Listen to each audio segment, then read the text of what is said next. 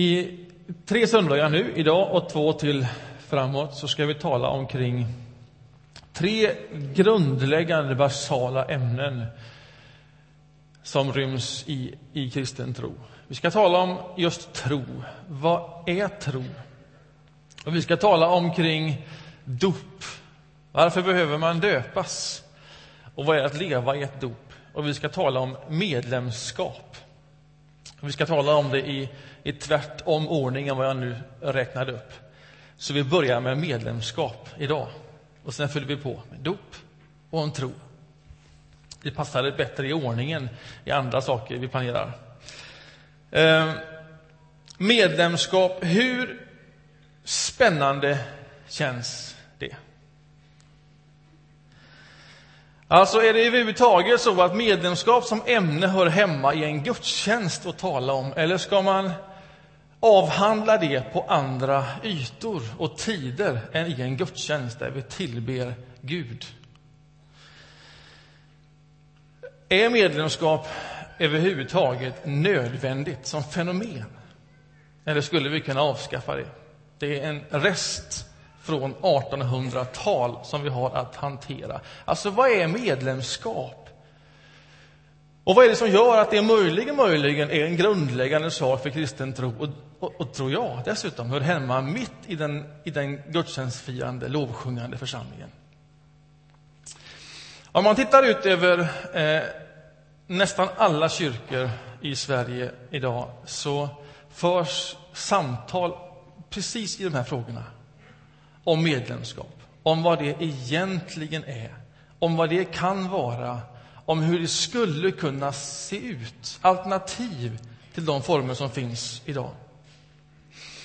Och det är inte bara kyrkor man för i samtalet, det för man i alla sorters föreningar, alla grupperingar som har medlemskap. Och naturligtvis, det som föder frågan det är att det blir färre och färre och färre som blir medlemmar. Och då börjar man ruska i begreppet. Är det något fel på begreppet? Är det något fel på medlemskap, på formen? Och så tar man i frågan därifrån. Och i kyrkan så är det också så att, att det som föder frågan det är att vi har ett medlemskap, vi har en matrikelförteckning av många människor. Men många människor som är inaktiva i sitt medlemskap, som man inte längre ser, kanske på lång tid. Och så ställer man då frågan, vad är då ett medlemskap? Eller jag möter frågan med unga vuxna som kommer in här i församlingen och sen är de med här några år. De finns med i huskyrkor och smågrupper och engagerade. Och sen när de får frågan om medlemskap så ställer de frågan tillbaks. Varför ska jag bli medlem här? Jag är ju redan med. Vad är ett medlemskap egentligen? Och någon säger ja, det är församlingen som är det viktiga och inte medlemskap i en förening. Det där måste man skilja på tydligt. Måste man det?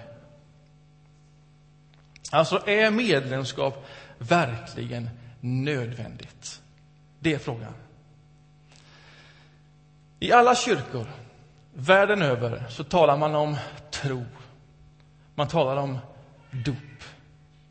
Och sen talar man nästan uteslutande i alla kyrkor om någon form av medlemskap.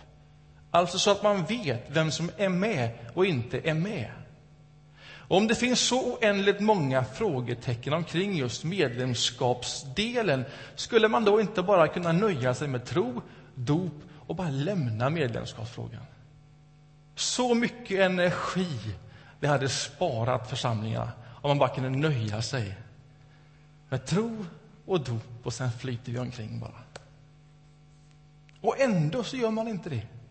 Ändå håller man fast vid det där medlemskap som ser lite olika ut, men man håller fast vid det ändå. Och varför gör man det? Varför bara överger man inte det när det tycks så besvärligt?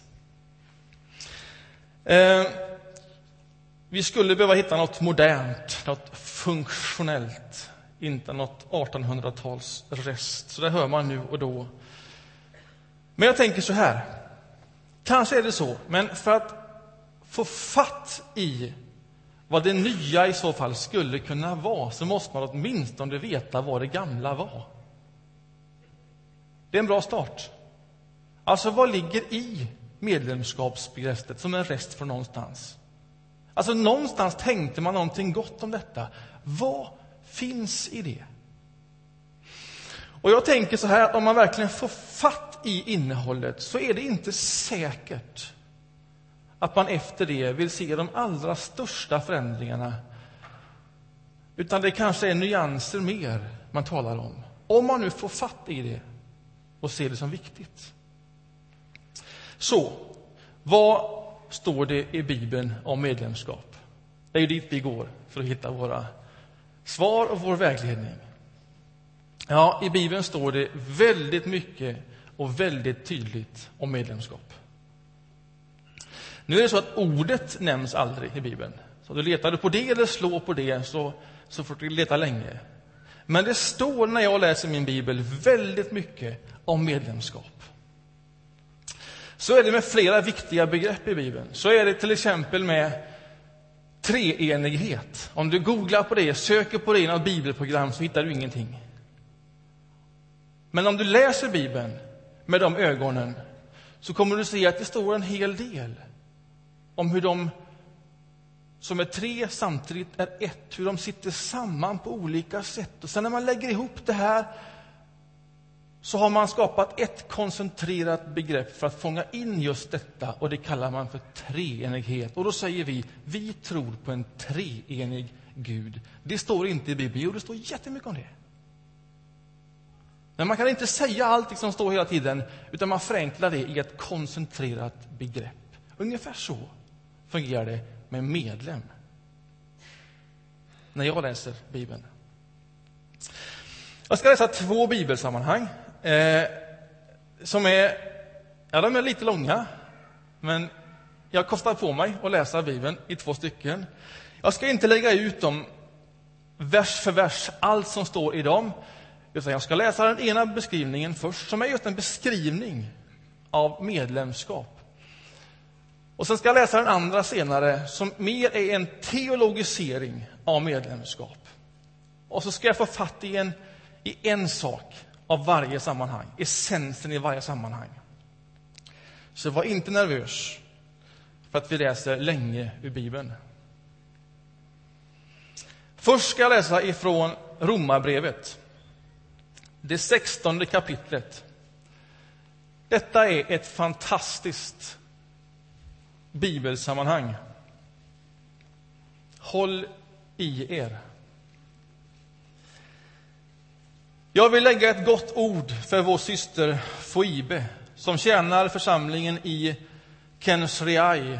Ta emot henne i Herren på ett sätt som anstår de heliga. Hjälp henne med allt hon kan begära av er. Hon har själv varit ett stöd för många, också för mig. Hälsa Priska och Aquila, mina medarbetare i Kristus Jesus. De har vågat livet för mig. Och inte bara jag, utan alla hedna kristna församlingar tackar dem. Hälsa också församlingen som möts i deras hus.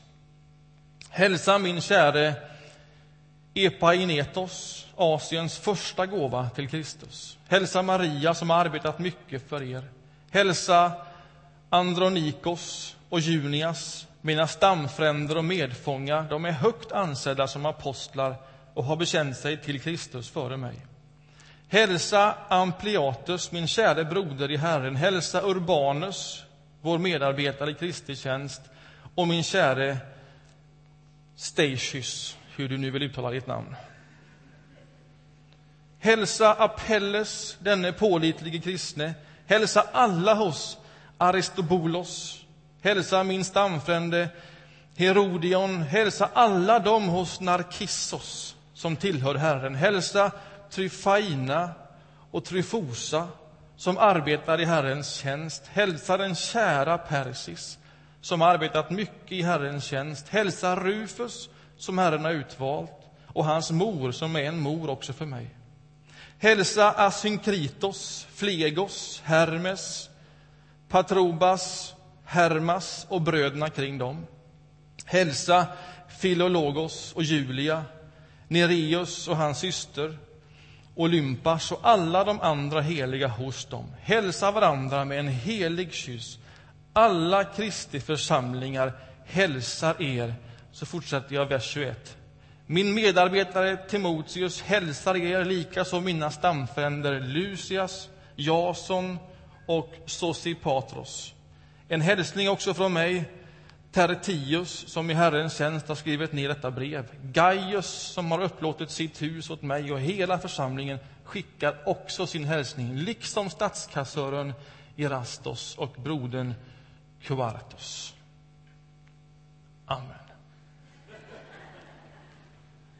Detta är en enastående beskrivning av medlemskap. En alldeles, alldeles fantastisk upprepning, upp, ja, upprepning, uppräkning av människor. Vad står det här? Jo, det som står här, det är att när en människa kommer till tro, och här är en kyrka som växer på olika sätt. När människor så kommer till tro så finns det ett tydligt mönster att läsa av. Och det tydliga mönstret man läser av i en sån här upprepning, uppräkning, det är att man söker sig till varann. Att man hela tiden söker sig till andra människor och blir församlingar i hem och på olika sätt. Man är inte bara individer här och var, utan det tydliga mönstret är att man söker sig till varandra som ett svar på kristen tro. Och dessutom, man svävar inte i okunskap om man är kristen eller inte. Man vet det. Det finns tydliga gränsmarkeringar. Det finns markeringar som vi känner igen idag, naturligtvis. De har inte ändrat sig. Tron är en sån gränsmarkering. Alltså, man upplever, ja, man är förvissad om att Jesus Kristus lever igen. Man tar emot honom i tro. Man svarar på det genom dop. Och sen finns det en tredje gränsmarkering. Och det är församlingen, medlemskapet. Man stiger in medvetet, synligt, offentligt i en grupp av andra troende människor. Med både tro, dop och församling, delaktighet, medlemskap så är det någonting som Anden gör och som sen synliggörs genom egna steg och handlingar och beslut. När en människa kommer till tro så är det någonting som Anden verkar i en människa så att man öppnar sinnen och förstår någonting som man tidigare inte förstått. Någonting som övergår intellekt. Det är någonting som öppnas och sen ser man Jesus Kristus på ett nytt sätt. Och på det svarar man med en egen bekännelse. Jag tror på Jesus Kristus som Herre och Frälsare. Så är det också med dopet. I dopet verkar den heliga Ande. Man dör och uppstår till ett nytt liv. Och man tar emot syndernas förlåtelse. Men det är egna steg. Man går till sitt dop. Och så verkar det som om Gud på liknande sätt för samman människor. Och på det Guds verket svarar man genom att tydligt och offentligt och synligt stiga in i en kristen gemenskap. Medlemskap, del i den gemenskapen. Och jag tänker mig att den här typen av gränsmarkeringar, de är, de är nog viktiga utan att man för den sakens skull behöver lägga all koncentration på gränsmarkeringar. Alltså vår koncentration vill vi lägga på vårt centrum, Jesus Kristus. Dit är vi på väg. Men på vägen dit finns det ett antal gränsmarkeringar. Det finns trösklar att stiga över så man vet att man är på rätt väg. Och en sån tröskel är tro. En sån tröskel är dop. Och en sån tröskel är medlemskap. Att stiga in i en kristen gemenskap. Vad gäller Paulus lista så är det ju alldeles uppenbart att man visste om man var med eller inte var med. Det var alldeles klart. Och dessutom så visste man inte bara om man själv var med eller inte var med. Om man själv gick vägen, man visste också vilka andra som var med och inte var med. Därför att det var offentligt. Man hade gemensamma gränsmarkörer. Man hade gemensamma trösklar. Tro, dop, församlingen, ett medlemskap. Någon form av överlåtelse till varandra som på något sätt gick att ömsesidigt förstå. Nu har vi överlåtit oss åt varandra och vi förstår att det är det vi har gjort och att vi hör samman. Man svävar inte i ovisshet om det. Man visste det. Hälsa dem och dem och dem och dem. Och hälsa dem som möts just i det hemmet. Och sen hälsar du dem som möts just i det hemmet. Och sen hälsar du också statskassören. Och så hälsar du den. Och så hälsar du den. Man visste om man var med eller inte var med. Och man visste om någon annan var med eller inte var med. För man hade gemensamma gränsmarkörer. Tro, dop, församling, tillhörighet, kallade medlemskap. Det var ett av dem. Så ett var det med den kristna tron, att tillhöra en gemenskap. Så svarade man på det Gud gör i en människas liv. Man kände varandra vid namn. Och Det är så fantastiskt att uppräkningen inte bara består av regioner. Hälsa dem i den regionen, eller hälsa dem i det landet. Nej, det är en uppräkning av namn, av personer, av hem. Det är en väldigt, väldigt personlig uppräkning. Och det, den tredje gränsmarkören, den, den rymmer just detta. Medlemskapet rymmer just detta, att man känner varandra vid namn. Det är ingen anonym skara som möts till gudstjänst någon gång nu och då och man går ut och in i den som man själv vill och däremellan vet man inte. Nej, man känner varandra vid namn. Det är en viktig markör på väg mot Jesus Kristus, vårt centrum. Och för att kunna göra det så måste man ju ha någon form av upptäckning. Om inte annat så i huvudet. Vilka möts i det hemmet? Vilka möts i det hemmet? i den huskyrkan? Vem delar måltiden i den gemenskap? Vilka är de? Och utöver att bara mötas så andas ju hela den här uppräkningen en social omsorg. Ta nu hand om henne på alla sätt så som hon i sin tur har hjälpt och betjänat. Ge henne allt, allt som hon behöver. Alltså, den andan finns i uppräkningen. Man var känd vid namn, och det var ett uttryck för en gemensam omsorg. Det var så man uttryckte sin tro. Så medlemsmatrikel är inget 1800-tals uppfinning. Det har varit med mycket längre än så. Att man faktiskt vet, av alla skäl, vem som är med i den här gemenskapen. Jag skulle vilja uttrycka det så här. Alltså, siffror och uppteckningar, medlemskap har ett djupt, djupt samband med den kristna trons inre karaktär.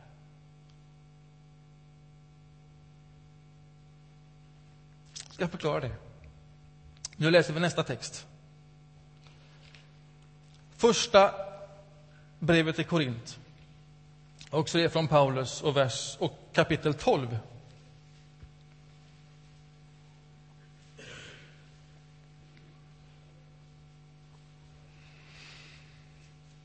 Och från vers 12.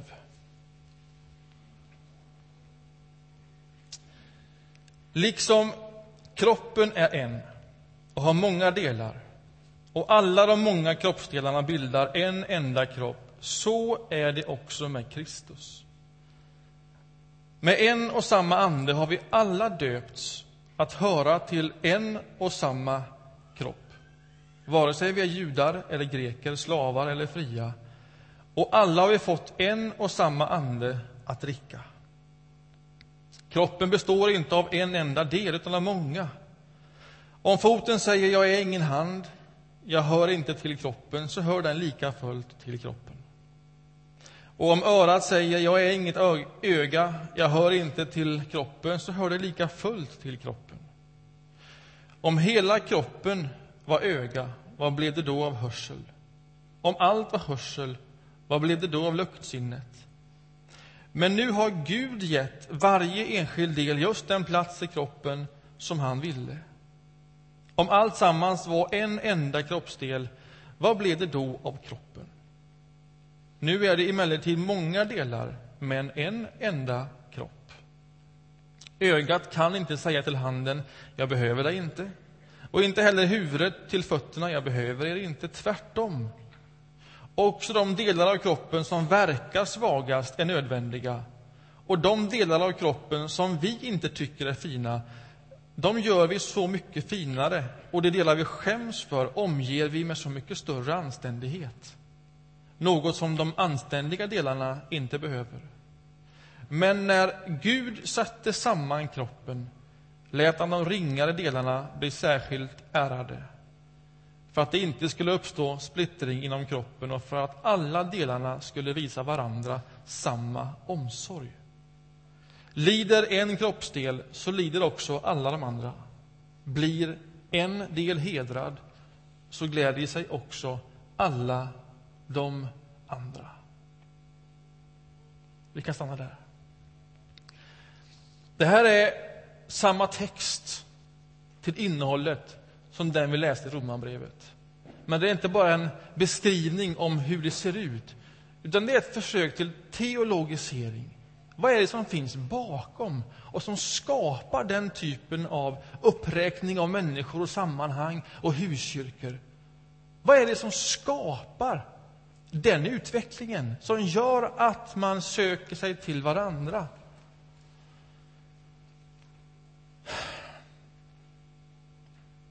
Medlemskap är så mycket mer än bara ansvar i en förening. Det är när jag läser den här texten vårt sätt att manifestera att synliggöra på ett begripligt sätt för varandra att vi genom den heliga Andes verk hör samman. Det är vad medlemskapet rymmer. Och den teologiska grunden för detta, som Paulus radar upp, det är att vi är förenade genom Anden det är att det är Gud som sätter samman kroppen. Det är att detta är Guds församling. Och detta gör tillsammans att denna sorts gemenskap utgör Kristi kropp.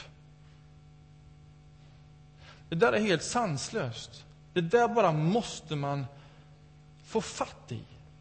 Jag säger det en gång till. Alltså, medlemskap manifesterar, det synliggör att troende människor förenas av Anden, sammanförs av Gud, blir hans församling och på så sätt utgör Kristi kropp. Det är mycket teologi i en mening. I know. Alltså att vara kristen, det är inte bara att själv vara en lärjunge som följer Jesus Kristus. Det är en bit på väg. Men det kan omöjligt vara hela beskrivningen av vad det är att vara en kristen människa. Det är så, men det är också mer så. Därför att den typen av individualiserade, privatiserade föreställningen om kristen tro är en förvanskning och en förminskning av vad Gud har tänkt för en människa. Man är inte bara själv. Man är inte ens bara själv i sin efterföljelse av Kristus. Man är det, men man är också mycket, mycket mer. Genom att vi möts, att vi förs samman, att våra gåvor är sammanförda av Gud, så manifesterar vi, synliggör vi Kristi kropp. Vi utgör Kristi kropp. Alltså, vi sitter ihop i omsorg och i uppdrag. Eller så här. Vi följer inte bara Jesus i hans fotspår. Utan vi som kropp är hans fötter. Är vi med på den skillnaden? Alltså, vi följer inte bara Jesus, var och en där Jesus går, utan som kropp, sammanförda av Anden, som församling, manifesterat, uttryckt i ett medlemskap, så är vi hans fötter. Utgör vi Kristi. Och det är det som ett begrepp som medlem vill fånga. Alltså någonting väldigt, väldigt storslaget. Vi är inte bara individer. Vi är tillsammans någonting mycket mer än individer som var för sig följer Kristus. Vi utgör Kristi kropp. Är vi med på det? Och det försöker ett begrepp, ett enkelt begrepp som medlem, medlemskap fånga. I all sin brist i hur vi uttrycker det, men det rymmer begreppet.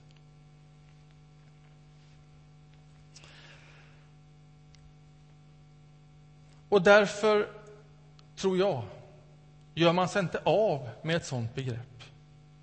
Därför håller man sig inte bara till tro och dop, utan man vill på olika sätt försöka fånga in detta storslagna som också ryms i kristen tro. Tillsammans är vi så mycket mer. Och jag tänker ungefär så här att man kanske inte behöver skilja så mycket mer på medlemskap i förening och församling än vad vi skiljer på dop och vatten, bröd och vin och nattvard. Alltså, bröd och vin, det är bröd och vin och inte mycket mer. Och samtidigt är det nattvard en måltid där Kristus ger sig själv för oss. Vatten är vatten. Det är inte mer än vatten. Men det är också ett dop som genom nedsänkning och upphöjning förenar en människa med Kristus genom tron. Medlemskap i en förening är inte mycket mer än medlemskap i en förening. Men samtidigt står det för så mycket mer att vi tillsammans utgör Kristi kropp. Dessutom tror jag att medlemskap kan vara ett stöd för tron. Alltså, hur vet jag om jag är troende? Ibland ställer man sig den frågan. Ja, men jag vet det, en inre visshet. Om, om den vacklar, ja, då går man till dopet. En yttre handling som man alltid kan gå tillbaks till. Där bekräftade jag ett dop. Och nu skulle du kunna lägga till också medlemskap i en församling. Att du offentligt har bekänt din kristna tro, blivit mottagen, är en lem i Kristi kropp, att du utgör Kristi kropp. Alltså bara ditt medlemskap är också någonting att hålla sig i, liksom ett dop. Därför att de yttre ramarna vi har omkring vår tro, De är inte vår tro, men de är djupt förbundna med det mest centrala i vår tro. Och vi behöver yttre ramar, vi behöver saker att hålla oss i. Dop är det, men också medlemskap. Så när du tvekar, då är det en god tanke att tänka, jag är medlem i församlingen. När du tvekar, då är det fullt möjligt att bli burna av andra människors tro och gåvor om du bara vågar säga att du tvekar. Därför att så sitter den här kroppen samman. Och så stödjer vi varandra. Och när andra tvekar, då vet de att du finns där. Därför att det har du offentligt sagt i det att du är medlem i församlingen. Då bär jag dig i den mån min tro bär mig. Det ryms i ett medlemskap. Och det har jag sagt, att jag hör samman med er och jag är överlåten er. Därför att så verkar Anden i en troende människas liv. Och det vill jag vara med och synliggöra. Om du inte är medlem, men du finns med här, gå på Nyfiken på medlemskap på onsdag. Ta steget in. Det finns goda skäl för det. Varför vänta? Om du är medlem i församlingen, då vet du det jag har sagt, att jag har utlämnat många saker som är svåra med medlemskap. Det tycks en förskönad beskrivning i det jag ett Ja, vi skulle kunna tala om medlemskap och alla dess komplikationer i veckor. Jag har bara försökt att ge essensen av medlemskapet. En beskrivning och en teologisk grund. Och jag skulle önska och jag skulle vilja be att du av de här orden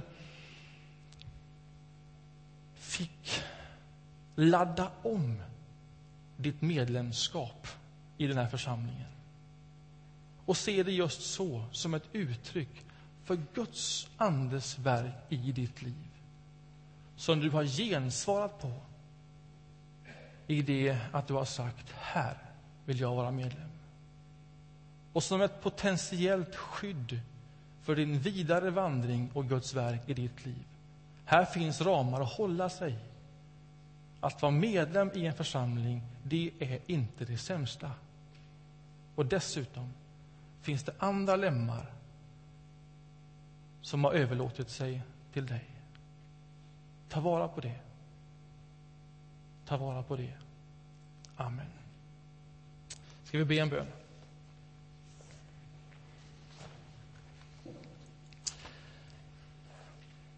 Jesus Kristus, tack för att det är du som förenar människor. Att det är du som för samman. Och att församlingen är din. Jag skulle önska för mig och för oss om öppnade sinnen så att vi kunde se det i ett torftigt begrepp som medlem. Och inte bara se det, utan se det, tro det och leva det.